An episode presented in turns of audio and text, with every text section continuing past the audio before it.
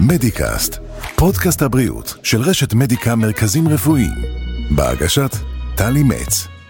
שיחות עומק עם הרופאים המובילים בישראל, על רפואה, סיפורים אישיים ומה שביניהם. טוב, אנחנו מדברים עכשיו על אה, נושא שרבים נמנעים מלדבר עליו, למרות שהוא מאוד שכיח אה, בקרב האוכלוסייה. עד כדי כך אנשים נמנעים לדבר על הנושא הזה, שלפעמים אפילו עם הרופא לא מדברים עליו, עד שממש אין ברירה. הנושא הזה הוא דחורים. מדובר בתופעה שיכולה להיות מלווה בדימום, בכאבים עזים, אפילו כאלה שממש יכולים לפגוע בתפקוד שלנו.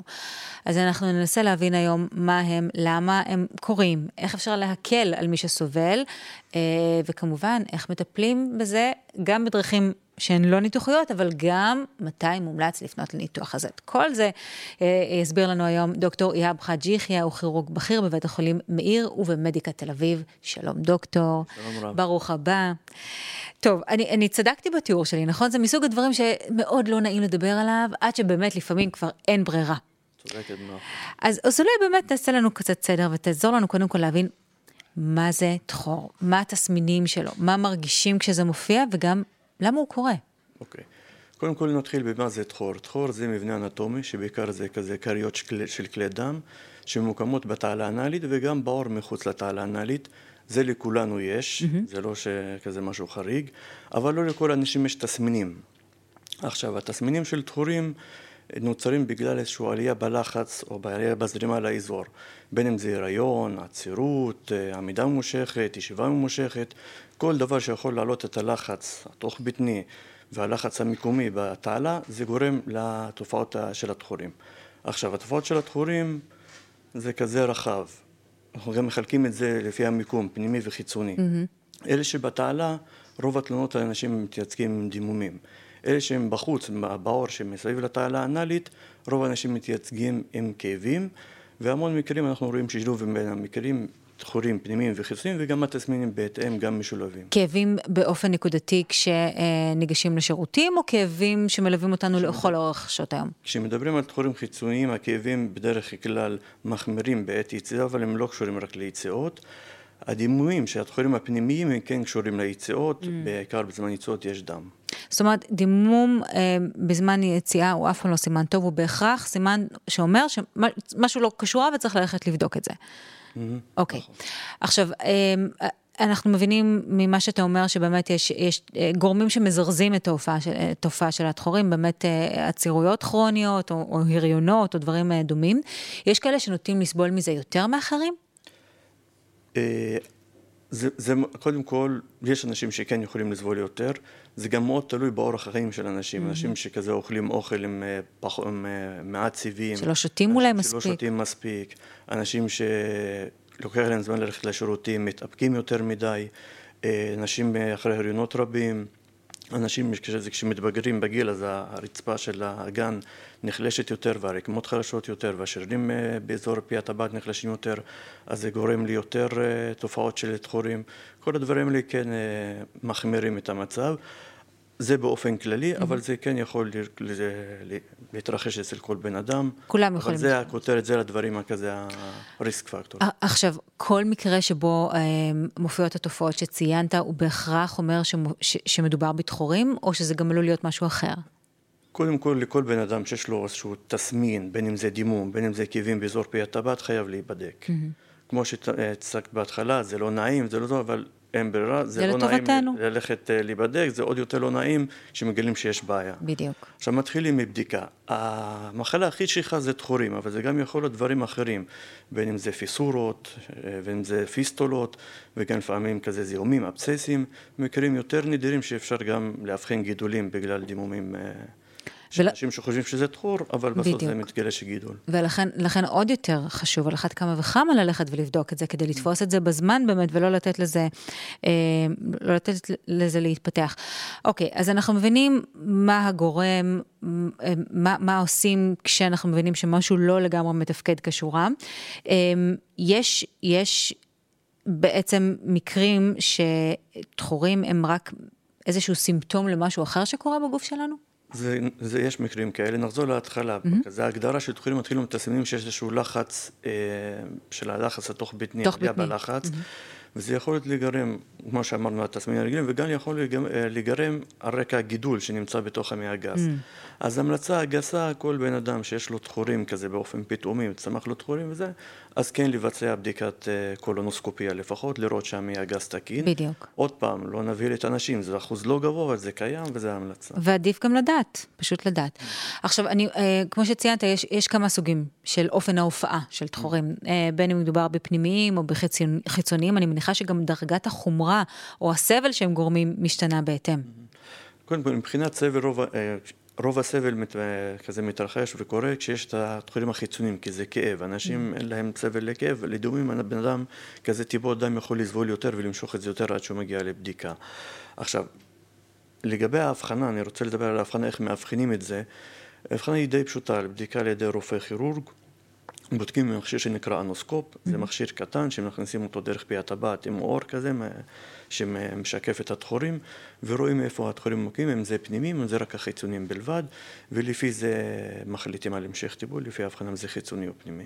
אוקיי, okay, אני מתארת לעצמי, זו שאלה שאני לא אמורה לשאול אותך כרופא, אה, ככירורג בטח, אה, אבל מתארת לעצמי שהרבה אנשים ששומעים את זה עכשיו בבית התעניינו. יש דרך לאבחן בעצמנו, בבית? החיצוניים כן, כי אנשים מרגישים רואים את זה. כזה, ולפעמים גם האור נהיה כזה בצבע כחול כזה, בגלל שיש גודל של כלי דם, אבל לפנים אי אפשר, צריך בדיקה של רופא. כן, אה, אה, אה, בקיצור, לא, לא להתחמק מזה. זה לא נעים, אבל זה לא נעים לשנייה. זה לא שווה את הסבל שמגיע אחר כך. יש כמה דרגות לתחורים, נכון? אני מתארת לעצמי שגם הטיפול בהם משתנה בהתאם. נכון, כשאנחנו מדברים על דרגות תחורים, אנחנו מדברים על התחורים הפנימיים, שעיקר התסמין הוא דימום. אה, אחת זה הכי פשוט, ארבע זה הכי כזה קשה, גם קשה מבחינת סבל וגם קשה מבחינת טיפול. כזה באופן גס, דרגה אחת ושתיים, הטיפול הוא טיפול כזה מתבצע במרפאה, בין אם זה קשירות, אה, על משהו כזה מנואלי, זה קשירות של התחורים הם כזה גומיות. יש ו... משחות גם, כל מיני... מש, זה... משחות אנחנו משתמשים, אבל בעיקר הם עוזרים לתחורים החיצוניים. Mm. Okay. אוקיי. שאנחנו כזה ממליצים כזה למרוח, וזה מוריד את הבצקת, ואז הכלי הדם הקדושים כזה אה, עוברים כזה שיפור, ואז התחור נעלם. עכשיו, דרגה 1 ו-2, מה שמקובל זה לעשות קשירות, ושלוש, ורוב שלוש וכל ארבע זה טיפול ניתוחי. כל הדרגות, לא משנה דרגה, חייבים תמיד להתחיל במה שאנחנו קוראים שינוי אורח חיים. נגיד בן אדם שכזה יושב הרבה, שלא יושב הרבה, ונעשה ספורט, שתייה מרובה, כלכלה רבת סיבים, כל הדברים האלה משפרים גם מבחינת תוך כדי טיפול, מעלים את הסיכוי שהטיפול יצליח וגם מפחיתים את הקושי והסבל. אולי גם תזונה עשירה יותר בשומנים אה, בריאים, מה שנקרא. נכון. זה בטח יכול לסייע. מתי אין ברירה ומגיעים לניתוח? מגיעים לניתוח בדרך כלל שהתחולים כבר דרגה 3-4, שהטיפול שמתבצע במרפאה בדרך כלל לא מצליח. עכשיו, עם השנים גם הניתוחים השתנו. פעם היה ניתוחים כזה רדיקליים, שכריתה כזה רדיקלית, עם המון המון סיבוכים, עם איזשהו יצירויות בפי הטבעת לטווח הארוך, ובטווח הקצר כאבים עזים, אנשים מגיעים לאשפוז בגלל זה. ועם השנים התפתחו כל מיני שיטות וגישות שעושות את הניתוח די יחסית, די פשוט, גם מבחינה, מבחינת הסיבוכים הארוכי טווח וגם סביב הניתוח. אה, אז מה שאמרנו, שלוש וארבע זה ניתוחים, ואחת, שתיים זה קשירות וטיפול במרפאה. לגבי הניתוחים עצמם, אה, מה שמקובל היום זה אם לא רוצים לעשות את הכריתה הרדיקלית על מנת לא לגרום סבל לאנשים, יש היום אה, ניתוחים שמתבצעים על ידי מכשירים, מכשירי עזר אני קורא להם, זה בעיקר מכשירי, מכשירי אנרגיה, שאנחנו צורבים את התחורים, ממש לוקחים את התחור עם מכשיר ושמים מכשיר אנרגיה שצורב אותו, זה גם פחות כאבים, ההחלמה יותר מהירה, חזרה לעבודה ולשגרה די מהר. זה ניתוח וגם, אה, עם הרדמה מקומית או... זה מתבצע בדרך כלל או בהרדמה כללית או בהרדמה ספינלית אזורית. Mm-hmm. זאת אומרת, הבן אדם, אה, אני לא יודעת, זו סתם הנחה שלי, אני מניחה שבגלל חוסר הנעימות שמלווה בניתוח מהסוג הזה, אנשים יעדיפו להיות מנותקים מהסביבה ותעשו מה שצריך. ו... אה, מסכים. אוקיי. ויש עוד שיטה שאני גם רוצה לדבר עליה, כן. שהיא בדרך כלל לתחורים כזה בין דרגה 2, 2 קצת מעל 2 גבולי. ופחות מ-4, כזה 2, 3. ש... שמשתמשים או בלייזר או באולטרסאונד, פשוט אנחנו הולכים, עושים אה, קשירה של העורקים ולא נוגעים בתחורים עצמם. וקושרים אותם, וכשקושרים אותם לאט לאט כזה האזורים של התחורים עצמם עוברים סוג של נמק כזה מקומי, זה לא, זה לא משפיע כזה על התפקוד, ואחרי כמה ימים כזה הם נופלים, עם אחוז הצלחה די סביר, ועם כמעט אפס תופעות לב. מה קורה בעצם בימים שאחרי הניתוח? איך, איך בן אדם חוזר לשגרה שלו? איך הוא מחלים בעצם? קודם כל, היום הראשון של אחרי הניתוח קצת אי נוחות, קצת כאבים, לא משנה איזה סוג של ניתוח, אבל לא אמור להיות משהו כזה די, אה, די קשה, משהו שכן נסבל, משהו שאנלגטיקה, כמו לופטלגין, משהו בסיסי כזה mm-hmm. כן עוזר. אה, ותמיד תמיד אנחנו ממליצים אחרי הניתוח גם בן אדם שהוא לא סובל בשגרה מהעצירויות שייקח כזה מרחי צואה כי זה עוזר ואחרי שלושה ארבעה ימים לא אמור להיות כן. שלושה ארבעה ימים ובן אדם אמור לחזור לתפקוד רגיל? בניתוחים הרגילים כן. עכשיו, מה הסיכוי שאחרי שבן אדם עבר ניתוח התחור הם יחזרו? הסיכוי קיים אבל נמוך. Mm. זה מעודד. אחוזים בודדים של חזרה, צריך לעשות את זה נכון, והסיכוי לחזור זה נמוך. עד כמה אתה נתקל באנשים שחוששים, חשש פסיכולוגי עמוק, אה, לגשת לשירותים אחרי ניתוח? זה קיים וזה די נפוץ ודי שכיח וזה תפקיד של הרופא להרגיע את המטופלים ולהסביר להם את האמת שזה לא, אנשים חוששים הם הולכים לשירותים אחרי ניתוח ששת חולים יחזרו, חוששים מדימומים, חוששים מכאבים. מכאב, כן, זה בכל זאת כל, כל כך רגיש. ו... כשלא נכנסים לשירותים מהחשש הזה, אז נוצר עצירות. בדיוק. ואם מתרחב, התעלה עצמה מתנפחת.